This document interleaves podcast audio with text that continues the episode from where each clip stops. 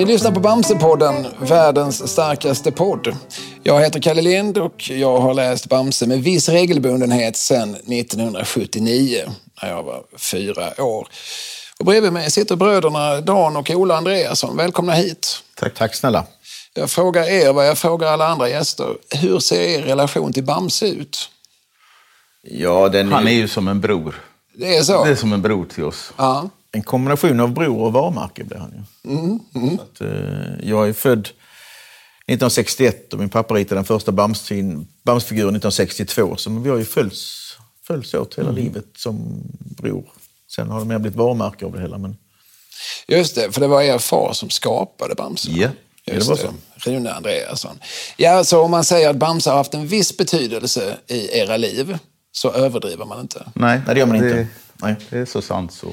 Och när du säger att han är som en bror ibland så kan det ju kan man ju ha liksom känna lite avundsjuka och konkurrens med en bror.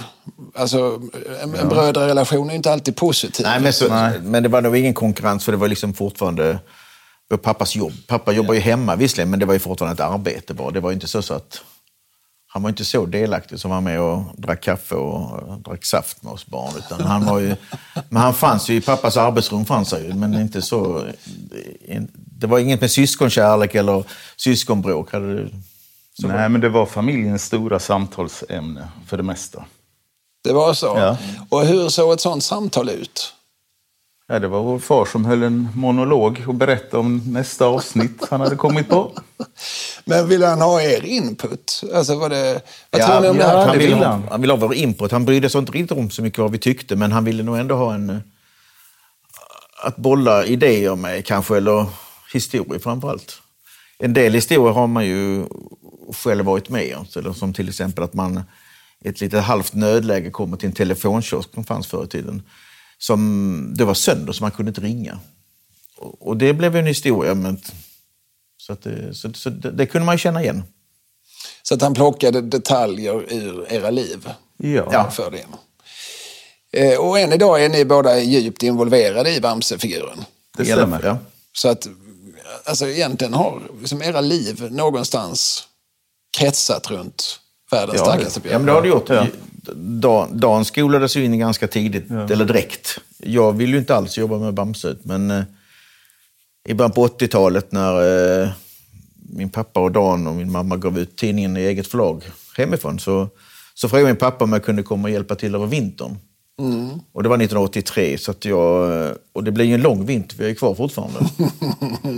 En riktig fimbulvinter. Ja, det är det är det fantastiskt. verkligen. Ja. Så det, Ja, och hur ser er inblandning ut idag? Alltså, vad, vad gör ni?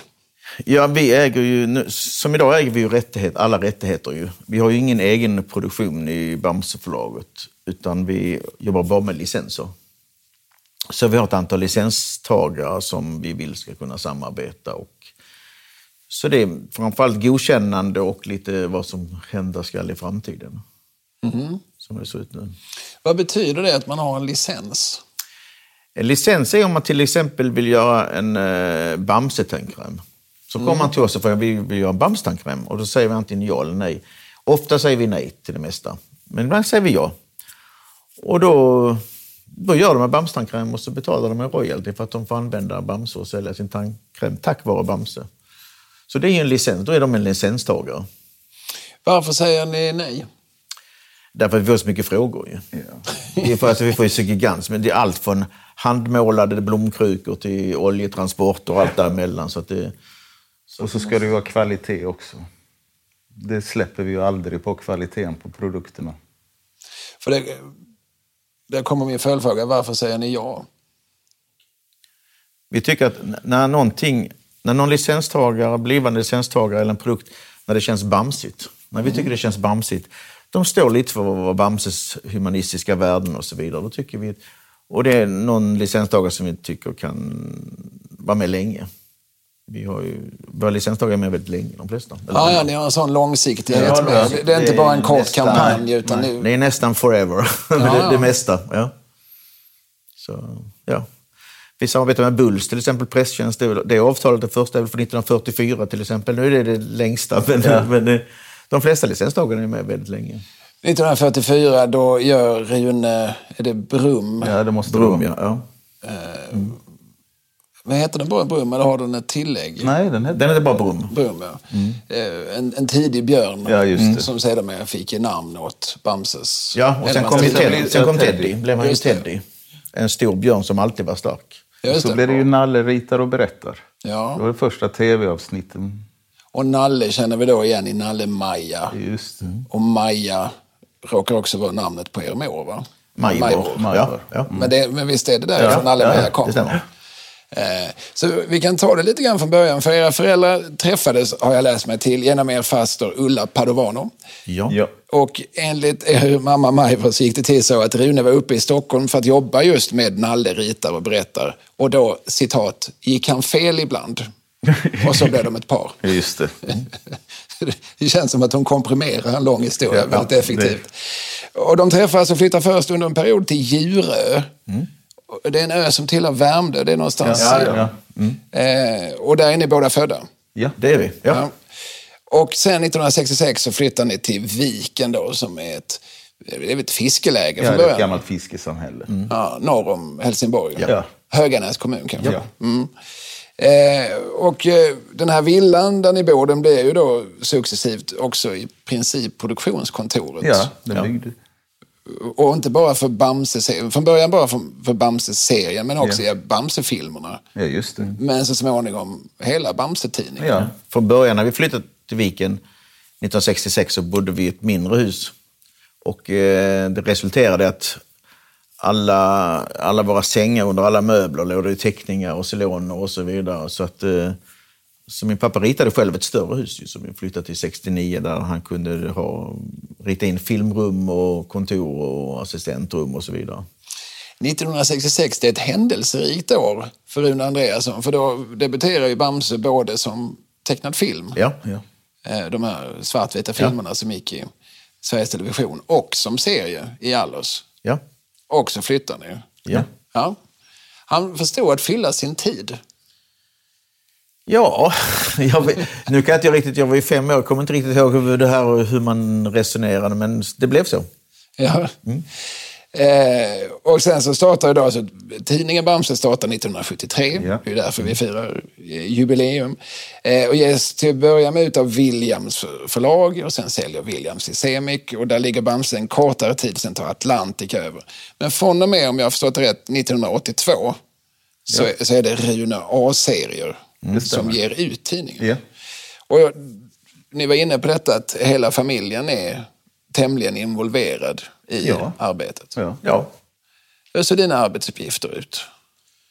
Nu eller förr? Ja, då? Då, då satt jag och paginerade sidor och tog... Vad heter det? För då är du lite drygt 20. Ja. Ja. Och färgla på smörpapper ovanpå originalen. Och varje innan vi skick, vi tryckte det i ugnen. Så det skulle ju skickas med flyg till Ungern. Och någon gång hade det varit något strul så att en hel 34 sidor hade försvunnit. Och vi hade inga kopior. Det låter vanskligt. Det var mycket vanskligt. Sen dess kopierade vi det. Med en reprokamera tog vi rep. Så det var mitt jobb också. Så här gör man inte tidningar riktigt Nej, längre. nej, detta är ingen som vet vad detta handlar om. Nej. Men, men du fick lära dig the hard way, så Ja, att säga. ja. För jag var på Atlantic i ett och ett halvt år innan. Okej. Det var väl inte så schysst kanske, för jag, min far hade ju pratat om att jag skulle vara ett till två år och sen skulle vi plocka hem den, själva tidningen. Men det kände ju inte Atlantic till, utan de såg ju bara mig som en lärling. Ja, ja. Så han lät någon annan betala din lärlingsutbildning, om man ska vara lite krass. Om man ska vara krass, ja. Ja. Men eh, ja, så går det väl kanske till. Eh, och er mor då, Majva, hon lever fortfarande, men hon har bättre saker för sig än att låta sig intervjuas av mig. Ja. Däremot så har då Charlotta Borelius, som är chefredaktör för Bamse-tidningen sedan 2008. Hon har fått spela in ett samtal med Majva.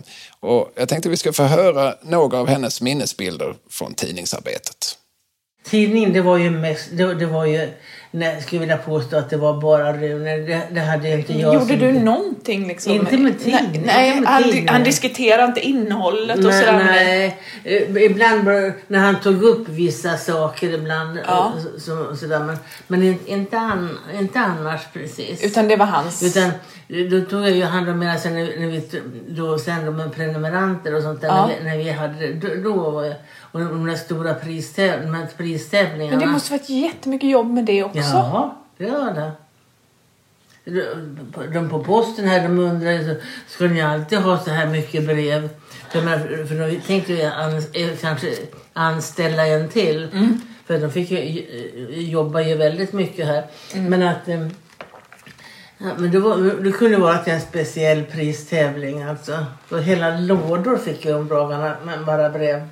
Och vi öppnade alla, det gjorde vi. Ja, För att, eh, ja, det... ja det är det schysst ja, liksom. man, man, gjorde, man gjorde det. Ja.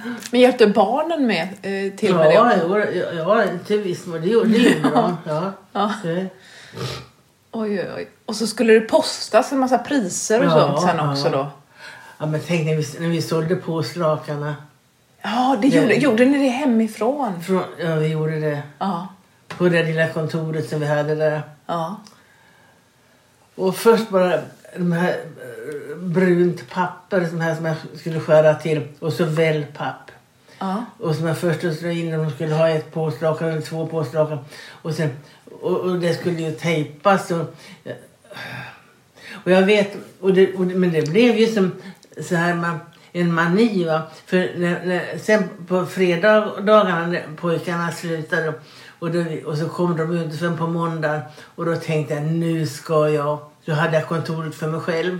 Och, och då kunde jag då eh, slå in och göra klart. Ja, Då en helg då hade jag gjort 200 paket.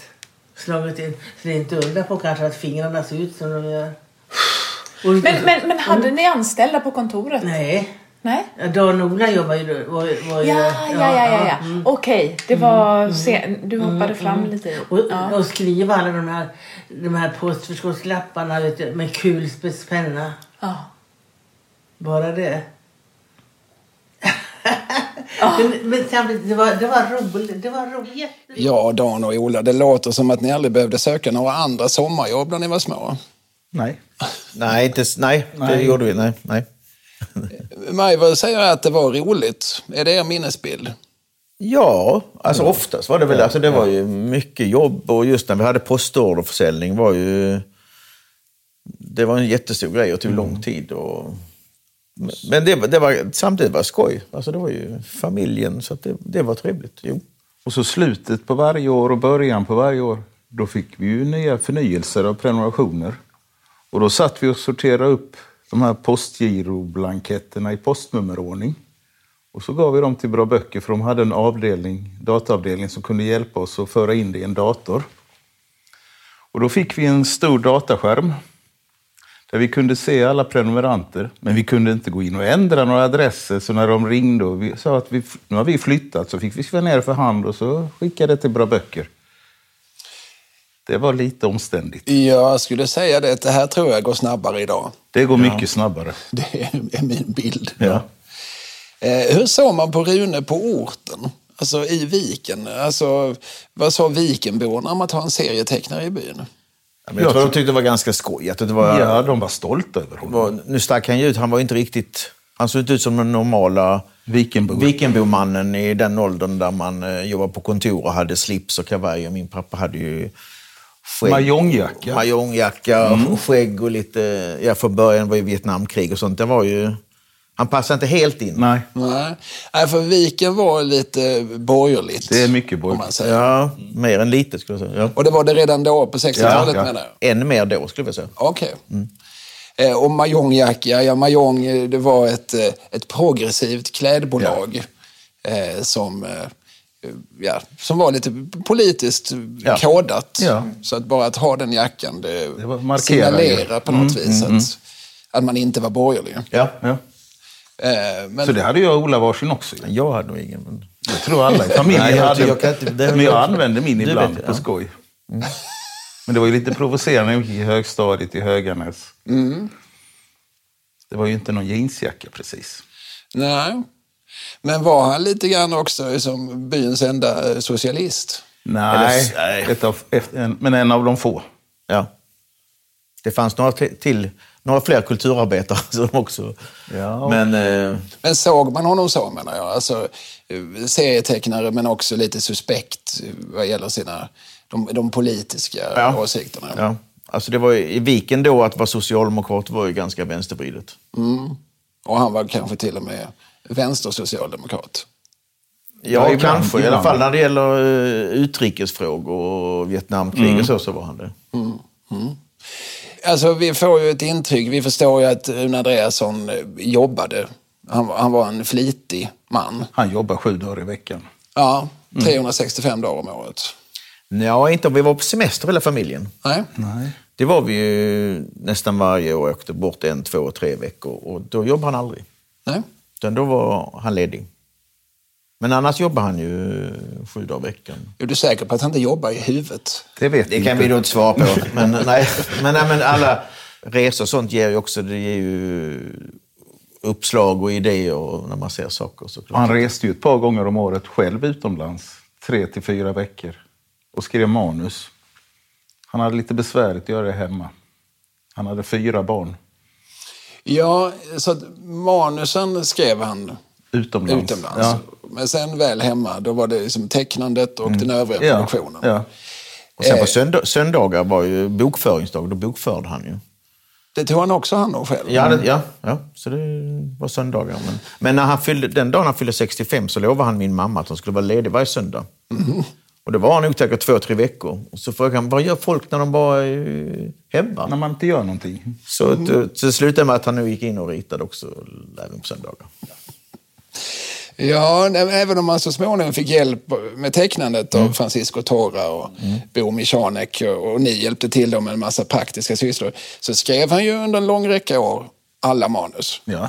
Eh, och inte bara till serietidningarna, utan också till bilderböcker och till filmerna. Eh, och eh, ni var inne på detta nu, och Majver bekräftade också för Charlotta att han oftast reste på manusresor ensam och det då verkligen inte var fråga om några semesterresor. Vi lyssnar på Majver. Och jag menar när han åkte ut på sina manusresor så hade han ju ett diagram. Precis, varje, Jag har varje sett dem. Helt otroliga. Och det var liksom en plan innan då? Eller gjorde han det diagrammet Ja, han fyllde ju i var, vad, han har, vad han har gjort varje Ja. dag. Ja. Och så, kunde, och så skrev han ju vykort till mig varje dag. Ja. Och då så kunde han skriva ikväll kan jag unna mig en god köttbit för det är jag värd för han hade, han hade skrivit så, så så många sidor manus. Eller, eller nästa dag kanske, idag har jag inte gjort rätt för, något, för, för någonting så. Utan, Då blir det sallad. ja, ungefär. Då blir det bara en banan. Ja. Men, men äh, åkte han alltid ensam på de här Ja, på, på, skrivarresorna? på manusresorna, Ja. det gjorde han det. ja. Men man kan ju förstå att det, att det måste varit ett effektivt sätt att jobba. Att liksom bara åka iväg och bara göra det. Därför när, när folk säger, säger, ja men, för det var någon granne som sa, ja men sa inte du, och när du i alla fall sitter och latchar kan du väl gö- göra en teckning till mig? När han sitter och latchar. Och så jag latchar aldrig.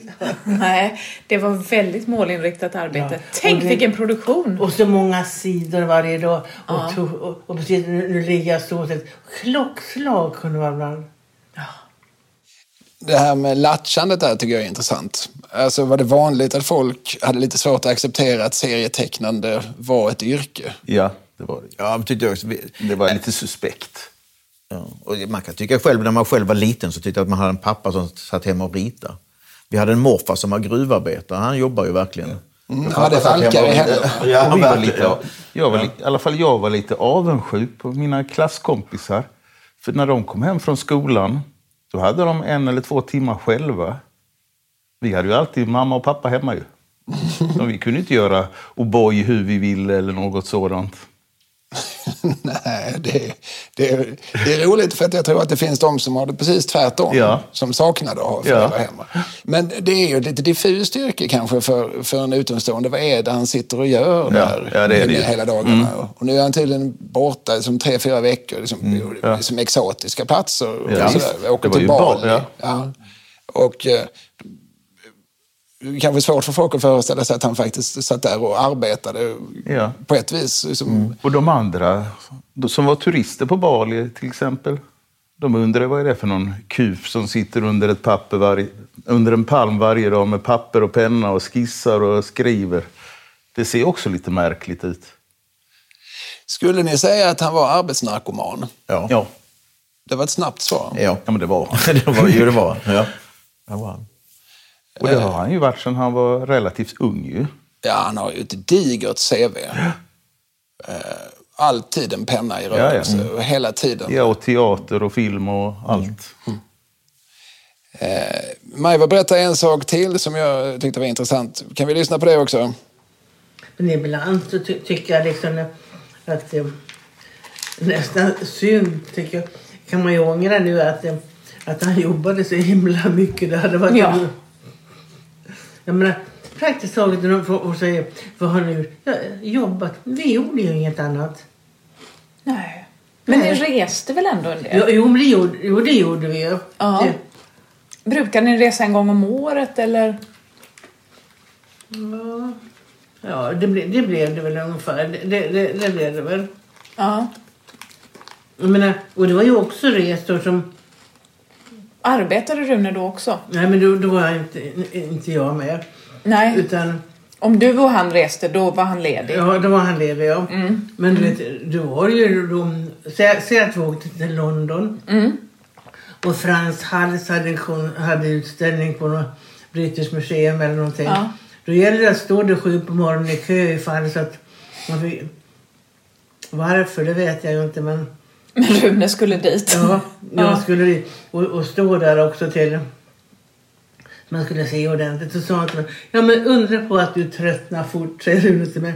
För du tittar ju på allting lika intensivt. Du får sortera ut vad du ska titta. Ja. Man var så intresserad utav allting alltså. Ja. Ja, men just det att han var intresserad av allting. Det, det märks också väldigt tydligt i Bamse-serien som kunde handla om allting. Ja. Alltså väldigt stor bredd på, på ämnena. Och det, det märkte man alltså redan som barn tror jag att jag liksom noterade det här att eh, det här är en människa som är nyfiken på precis allting. Eh, och jag minns det här hur ibland kunde Bamsegänget fara till Norge eller till Bali och så fick man veta en massa om norsk valfångst ja. eller om balinesisk mytologi och sådär som man inte fick reda på någon annanstans. Och eh, jag brukar säga att Bamses skola har lärt mig mer än min egen skola. Eh, tror vi att han identifierar sig med Skalman? Ja, men han är, Ja. jag tror, han är väl en kombination av Bamse, Skutt och Skalman. Alltså han, han var ju kort till växten, men han sprang ju väldigt fort som lille Skutt och var väl inte där den tuffa killen. Men han, han, han ville ju väldigt gärna vara den här hjälten som, som Bamse. Men sen hade han ju intressena som Skalman av litteratur och vetenskap. Så, det, så det är ju en kombination av honom själv. Han delar upp sig själv i tre Ja, delar.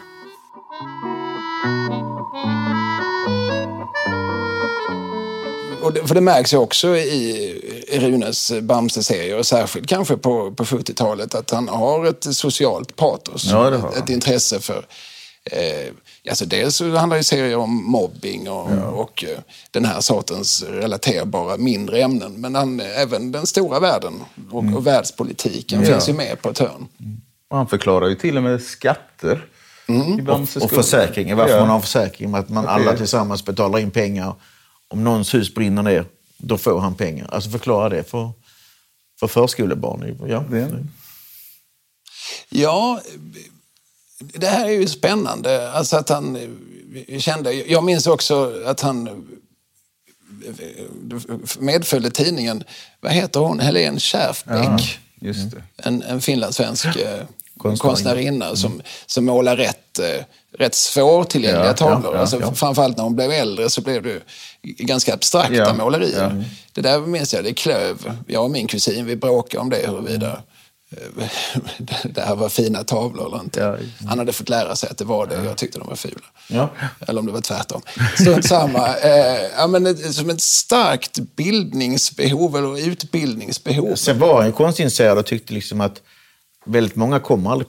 Dan och jag har ju kommit på museum många gånger med klart våra föräldrar. Men, men många fick ju inte möjlighet att se museum och då ville han kunna visa konst. Det var inte bara Schaffberg, det kunde ju vara Munk och också så vidare. Men alltså, att man fick se konst. Och, så, och då skrev han ofta på en tävling att, att man kunde tycka någonting om tavlan. Och oavsett vad man tyckte, om den var bra eller dålig, eller vad man, så kunde man vinna vad man tyckte den till.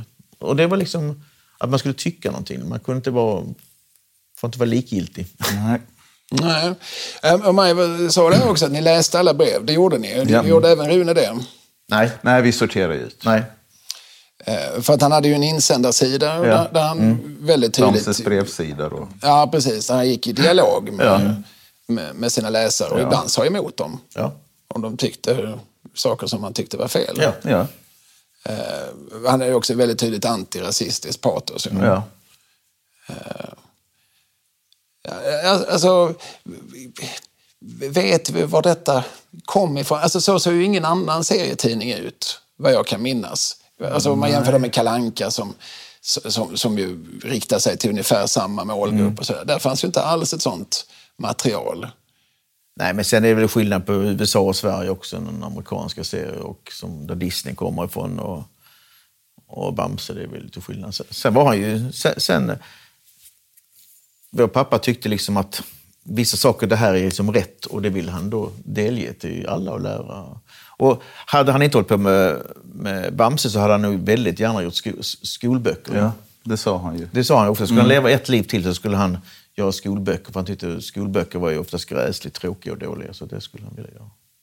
Men det hann han inte. Nej, det han, Nej, nej, det han- han, han han inte Nej, nej, han, nej. Det, det fanns en gräns för, även för Rune Andreas hur Ja. mycket man hinner. Ja, nej, men för att, I och med att han då, själv också ger ut tidningen så tar han ju en ekonomisk risk. ja. Och det gör man ju lite grann om, om man, om man liksom tycker för mycket.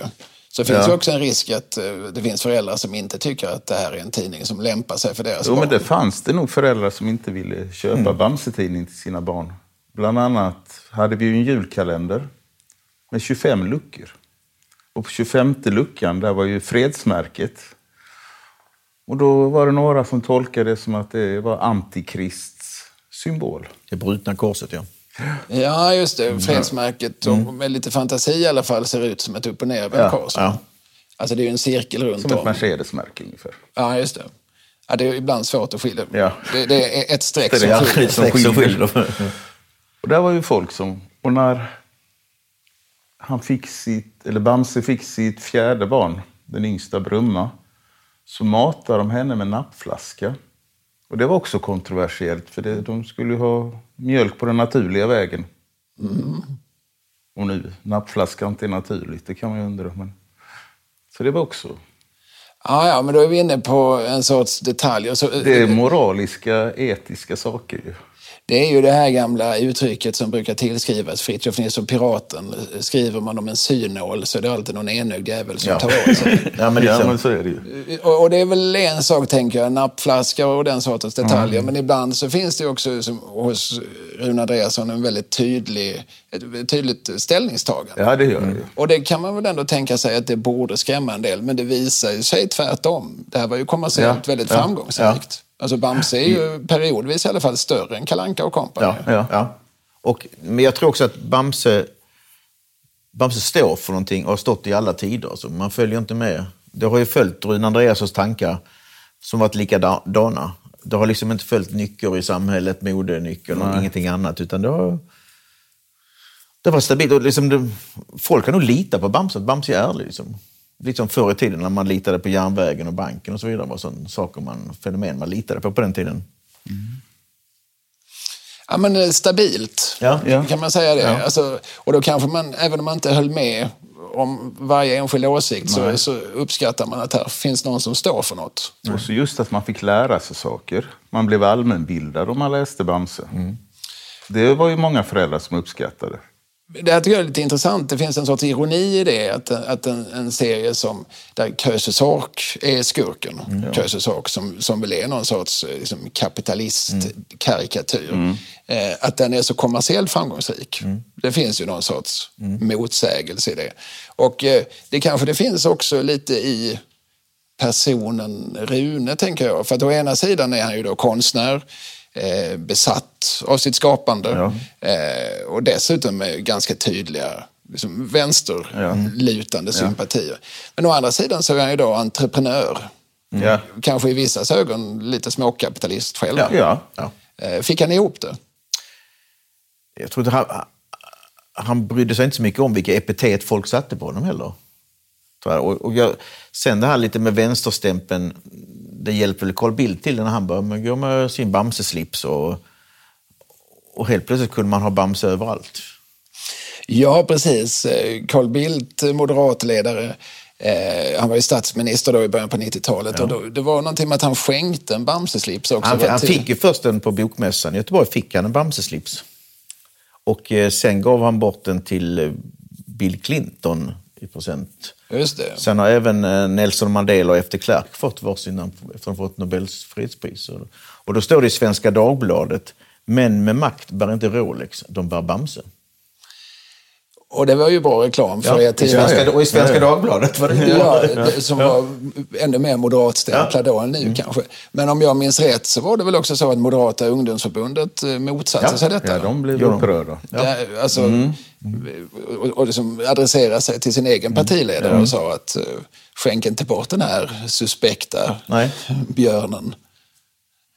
Eh, men återigen, det, det, det finns någonting intressant här. Att, att någonting, om, om, man bara håller sig som fast vid det man står för så kan det visa sig vara framgångsrikt även ekonomiskt. Ja. Var det en självklarhet för er att driva er fars livsverk vidare? Nej, inte för mig. Nej, för det var bara tillfälligt över vintern fortfarande. Ja, just det.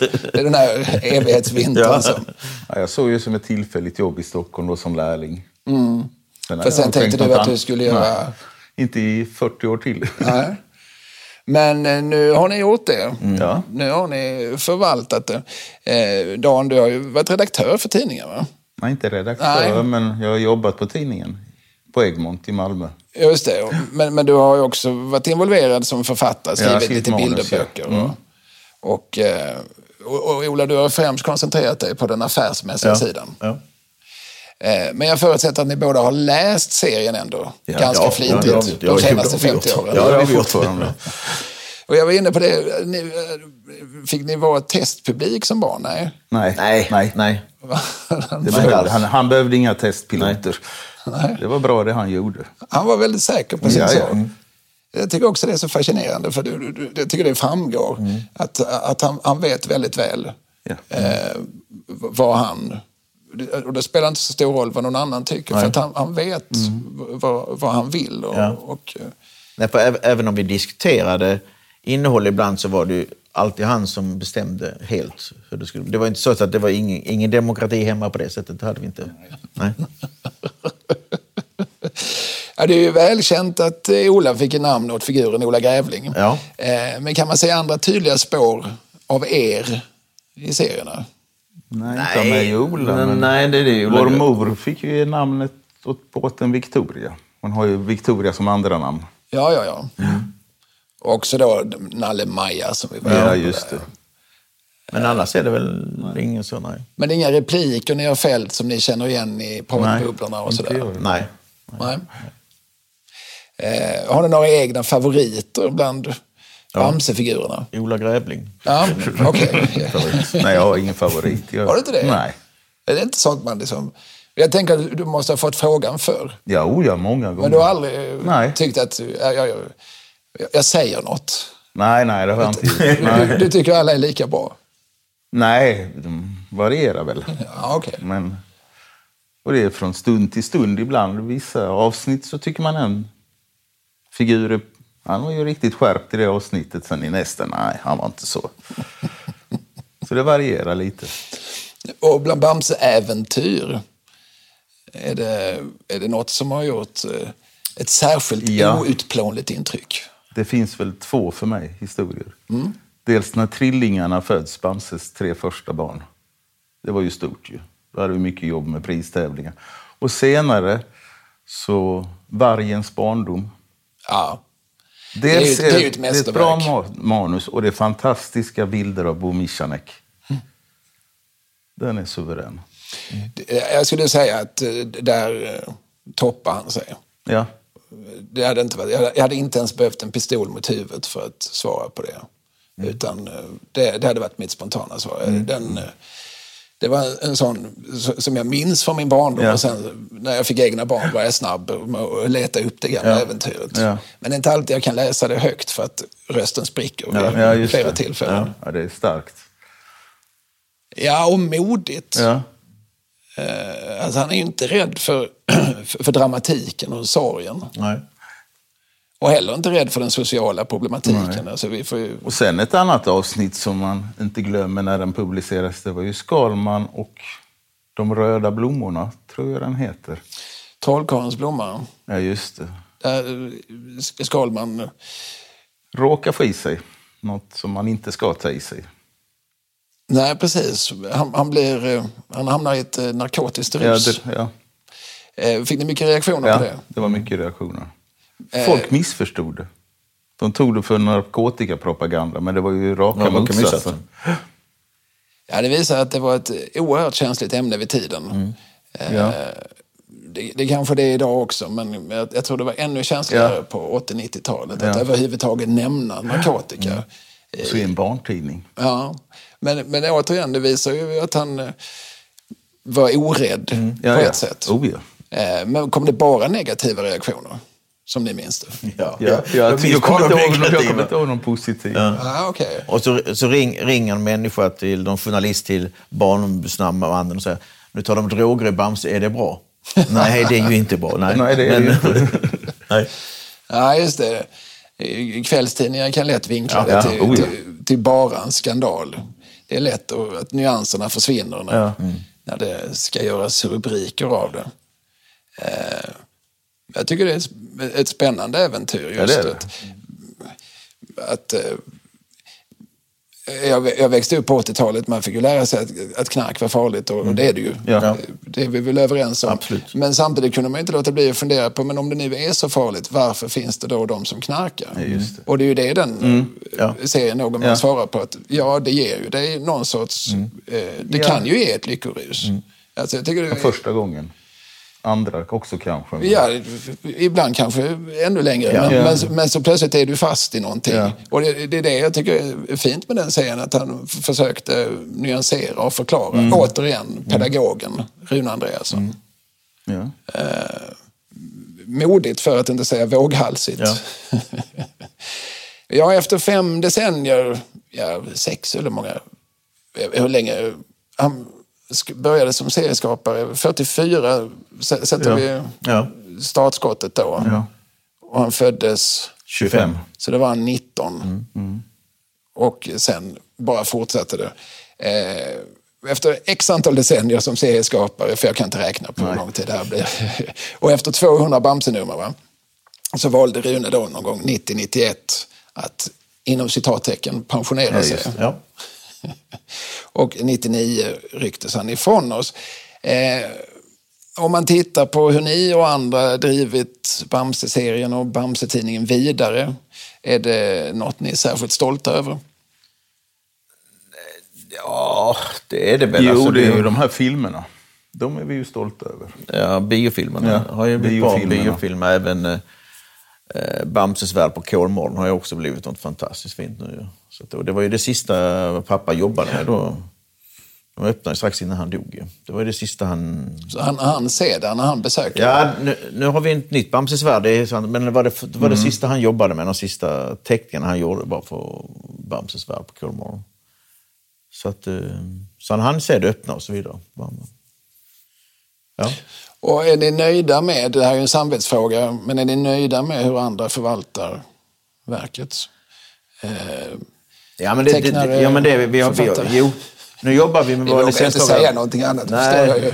Jo, men, det, jo, men alltså våra licenstagare jobbar vi med väldigt länge. Annars så fungerar nu samarbetar vi ju nära med Egmont.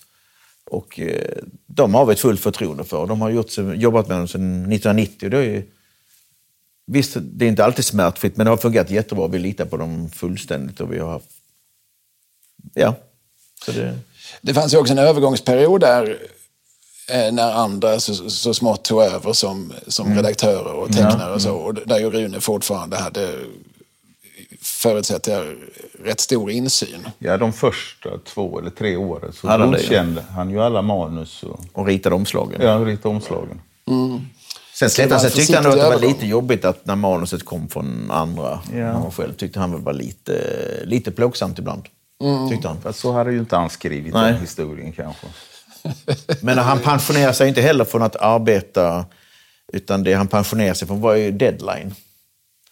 Han fortsatte ju göra böcker och så vidare in i det sista. Och även de sista åren när han fick stroke och blev förlamad på höger sida. Då började han ju träna på att rita med vänster sida. Så att, han, så att det skulle fortsätta. Så att det, han pensionerade sig inte på det sättet att han var ledig. Utan, men han, han pensionerade sig från deadlines. Och, Och han skrev ju ett visst antal manus som man kallade för PM-manus. Jag kommer inte ihåg exakt hur många det var, men det var många. Men PM som är postmortem. Ja, de fick publiceras Efter först döden. efter hans... Och det har de gjort ju. Ja. Ja, och med en viss regelbundenhet Ja, så tecknas de upp för att de ska kunna vara länge. Ja. Eh, Just det, det var då Uggel Guggel dök Till exempel. Han, ja. Minns ni Uggel Guggel? Ja, ja det, gör vi det gör vi. Det, var, det är ju lite intressant. Alltså det är ju en, en eh, karikatyr av eh, popsångaren och satirikern Magnus Uggla. Ja. Som ju 1989 gjorde en, en sång som heter PF. Ja. Mm. Vad det står för tänker jag ju inte säga i den här nej, podden. nej. För det är ett mycket fult ord. Men den handlar om, om lapplis och parkeringsvakten. Och det var det, för, för min pappa tyckte om Magnus Uggla och tyckte om hans text Ja, ja. överlag. Alltså det, det var han, gjorde han. Men just när man hoppade på en sån grupp som de stackars lapplisorna på det sättet, tyckte han inte var okej. Då vaknade hans rättvisepatos. Ja. Ja. Och då gjorde han den här serien där. Ja. Eh, Jag kommer inte ihåg omständigheterna, men det är väl att Google Google själv på något vis får, får se Ja. hur viktig Ja. en lapplisa faktiskt kan vara. Och Magnus Uggla tyckte detta är ganska kul också. Ja, ja. Gjorde han, så det var inte alls- jag, jag, tror han var Ja. ganska stolt Ja, över ja, ja. Att, eh, att karikera sin Bamse-tidning. Det är inte så många som Nej, har. nej. För det är ju ganska sällan ändå som Bamse-serien på det sättet Ja. eh, som kommenterar samtiden, eller Ja, liksom ja. Mm. det svenska samhället på det sättet. Även om det finns många serier som, som tar upp, som, som vi sa, miljöförstöring, valfångst Ja, mm, ja. och, och, och, och sådär. Så är det ju sällan enskilda personer pekas ut på det sättet. Och, Nej, det är eh, inte vanligt. Det där med uggel-guggel gick väl över huvudet på de flesta av barnen. Ja, det tror jag också. Ja, ja. Eh, Men eh, det är en rolig detalj tycker jag i, i Bamse-historiken. När man tittar på, på hela hans CV så ser man just det, han har gjort, som, som vi sa då, liksom, stora serier var ju Teddy som gick i en barntidning som hette Tuff och Tuss. Mm. Ja, ja. Och sen Pelle Fant som började som barnboksfigur och sen blev en serie med egen tidning. Mm. Ja. Och eh, Lille Rickard och hans katt som gick i Göteborgs Göteborgs-Posten, ja. Mm. bland annat. Ja. Eh, många eh, så här söndagssidor. Ja, ja, det var det. Eh, Jag tror han tecknade över tusen. Ja, det var, måste det vara. Eh, Så det gick ju många år. Men, så att han gjorde ju en massa serier parallellt. Ja. Då, va? Eh, och även sen Bamse-tidningen kommer till 73 så gör han ju ibland, alltså, vad heter den, Habibu, Habibu, ja. Ja, just det. Som, eh, som gick som biserie i några Ja, nummer av ja. Bamse. Så att han, eh, det är Ja. ett stort universum. Mm. Eh, alltså inte bara Bamse-universet, det är ju stort i sig. Men Rune A-universet är ju ännu större. Ja, ja, ja. ja. Och det börjar ju, när Bamse började så var de ju Bamse, Skutt och Skalman, tre grabbiga grabbar på äventyr. Och det var ju vulkaner och djungel och så vidare. Men, men den stora förändringen kom ju när, han då, när man insåg, på den tiden skrev ju, skrev ju barn brev. Så fick massa brev. Och det, de skrev ju sällan om drakar och vulkaner och, och djungel. Utan det var ju problem att jag måste ha badmössa, jag har glasögon. Och det var då lät han ju Bamse växa upp som rent fysiskt också blev längre och för barnen för att kunna skriva om den typen av saker. Ja, precis. För det är ju en stor skillnad. Alltså, jag kommer inte ihåg vilket år det är, 82 eller så, som han blir Pappa, ja. pappa. Och, eh, och då blir ju serien lite förändrad. Ja. Och Det, det händer ju fortfarande att Bamse bestiger Victoria och ger sig ut Ja, på ja, äventyr. oh ja, oh men, ja. men eh, en allt större del av tidningen handlar ju om betydligt vardagligare Ja, problem. ja, Ja. Eh, Då kan man säga att du- då är liksom Bamse på något vis två serier, minst två serier samtidigt. Det är både en äventyrsserie och en eh, familjeserie. Jo, många frågar liksom, kommer Bamse bli ännu äldre och så vidare, men det kommer han inte kunna bli, för Nej. vi måste ju ha farmor som lagar dunderhonung, så att det, vi har en viss begränsning där. Ja. Vi kan inte låta farmor dö. Nej, Nej. det kommer vi inte göra. Det hade sett illa ut. Ja. Ja, precis. Det här med död. Mm. Det är ett ämne som, som inte ens Rune. Andreasson så himla gärna närmar sig. Nej. Nej. Och jag vet nu Egmont nu som gör tidningen, de vill ju gärna ta upp det här, men det har vi sagt nej, Nej. till. Vi vill inte... Nej, man kan inte låta någon av eh, de etablerade Nej. figurerna dö Nej. i alla fall. Nej. Det hade sett konstigt ut om, om Lille Skutt gick och dog. Ja. Ja, uff, det ju... Men sen är ju, alltså man kan ta upp döden på många sätt också, så att det är klart att det är ju... Hade det varit bra på ett sätt, men det... Men vi har sagt nej till att Ja. ta död på några av våra figurer. Ja, av de etablerade figurerna, men man skulle ju kunna låta en bifigur dö. Du menar någon liten ekorre som kunde dö? Ja, så för att kunna diskutera sång Ja, och jo, det diskutera skulle man kunna. effekterna. Där, där det säger det inte hända. definitivt nej, utan det skulle man kunna. Det skulle man kunna diskutera. ska, Ja. Du är öppen för diskussionen. Det är jag. Det är jag. Ja. Ja, det är bra. Man ska inte stänga dörren helt. Nej. nej, nej, nej. Men man stänger, man, stänger man dörren så ska man i alla fall inte låsa den. Nej, just det. Nej. Den kanske kan stå lite på Ja, glänt. lite Ja, på glänt. ja. Men, mm. Är det några andra ämnen som eh, har varit uppe för diskussioner som ni vet att ni har sagt nej till? Nej, det är nog en... Ja, det är nog det enda jag som kan man komma kan på. komma- Ja. Ja. För ni har fortfarande någon sorts vetorätt. Det, det, I slutändan är det ni Vi som... hoppas ja. ja. ja. Jo, det har vi. Jo, jo. Ja. Ja. Ja. Upplever du att du har det också? Ja, det, Ja, det jag upplever att jag har det. Och jag hoppas att jag har Jo, men det. är det något sånt litet Ja. ovanligt kontroversiellt ämne som de vill göra en serie om så får ju vi alltid manusen och så får vi säga ja eller nej. Eller om man kan ändra det. Ja, för det händer ju fortfarande att, att Bamse tar upp ämnen som, Ja. som åtminstone i vissa ögon är kontroversiella. Och det ska ju, det ska ju exempel. Bamse göra ju. Ja. Det ska ju Bamse göra och det, det gör han ju. Men det fungerar jättebra hos Egmont för att de, de producerar ju fritt. De gör manus och de ritar och vi läser dem i efterhand. Och det men är det något, som, något lite kontroversiellt så, så får vi veta det innan ju och, och läsa manus och så vidare. Om Skalman skulle få för sig att eh, ta droger på nytt. Ja, just det. Då hade vi fått läsa det. Till exempel det, ja. Eller om man ska gifta eller, sig. Ja. Det har ju också varit på tapeten. Ja, precis. Det, det är väl så att det, det, det är väl vid ett tillfälle som vi förstår att Skalman har någon form av känsloliv. Det är när han träffar den här fen i Ja. Teddy Ja. i Sagolandet. Ja. Det, det minns jag också att jag, jag- blev väldigt eh, blev lite berörd av. För att han, han är ju liksom känslomässigt avstängd, får man ju säga, Ja. den gode Skalman. Ja. Han är ju eh, väldigt styrd av hjärnan Ja. och intellektet. Men just där man, man gläntar lite på förlåten. Man, man, jag tror till och med att det tillhör en liten tår på Skalmans Ja, kind. Väldigt effektivt. Det är mycket för Skalman. Ja, absolut. Eh, Och en av de få gånger han har vaknat när s- mat och sovklockan, det var när Teddy höll på att trilla ner för ett stup och ropa hjälp, hjälp. Då sov han ju, men det hörde han ändå. Annars kan ju inte ens hundra kanoner väcka honom. Nej, men Teddy har en särskild Ja, plats i Skalmans hjärta. ja, det har han ja. haft från första början. Eh, det är väldigt fint skildrat med när, när barnen, trillingarna, är små. Att man ser att Skalman särskilt förbarmar sig över Teddy som Ja. ju är lite klumpig och så, Ja. innan han får Ja, glasögon. just det. Eh, men det här med att, att göra Bamse till familjefar. Eh, insåg han själv att det här, nu kommer ju serien att bli lite förändrad. Ja.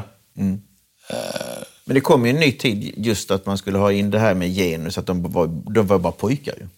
Du måste ha in flickor Ja. i serien och där, där kom ju då Nalle-Maja bli lite eh, stor hjälte. Man, de behövde ju båda kön, så tänkte man inte kanske då på 60, men 70. Liksom. Nej, men det är alldeles riktigt. Om man tycker att, eh, att Rune Andreasson var progressiv på många sätt så kan man väl kanske just liksom peka på det vi kallar genus. Att det är ju ganska traditionellt från Ja. början. Och farmor finns där som, Ja, en, ja, ja. som en trygghet som står och gör köttbullar Ja. och dunderhonung och alltid finns tillgänglig uppe på Höga berget och så. Eh, och sen successivt så kommer Brummelisa, men hon är ju också till att börja med liksom väldigt traditionell Ja. som, som flickvän och fästmö, fru. Eh, och nu på senare år har man gjort Nina Kanin betydligt mer aktiv. ja. Hon har ju blivit journalist ju. Ja, det finns ju även äventyr där, där hon har åkt Ja. istället för Lille Ja, Skutt. För ja. han har ju ändå aldrig velat åka. Nej, han nej. tycker det är rätt skönt att få stanna hemma. Ja, ja, alla nöjda, alla glada. Ja. ja, men det tycker jag är en, en, en bra lösning på någonting som, som många läsare tror jag har funderat över också. Eh, Jag har ett eh, litet visdomsord signerat Rune Andreasson, men jag tror knappast det var någonting han själv levde efter. Eh, vi får se om ni vet vem det är som säger det här. Först ska jag inte göra någonting alls. Sen ska jag bara ta dagen som den kommer.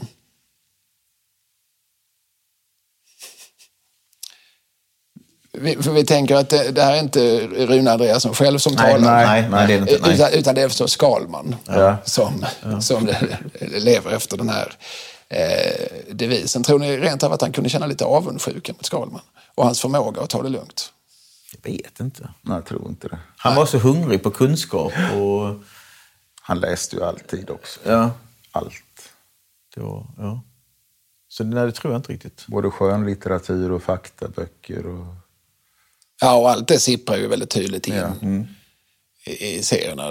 Det här ju kunde komma med avancerade referenser. Det var också roligt så här, liksom, att läsa på ryggarna i Skalmans bibliotek. Ja, och så här, man förstod att eh, om, man, om man var som jag, ett så kallat nördigt barn, ja. så blev man ju lite nyfiken och gick och frågade. Mor, mor, vad är Marx för något? Ja, det. Så hade man en sån mor som Ja. satte sig ner och sa, jo min son, lyssna noga nu. Ja.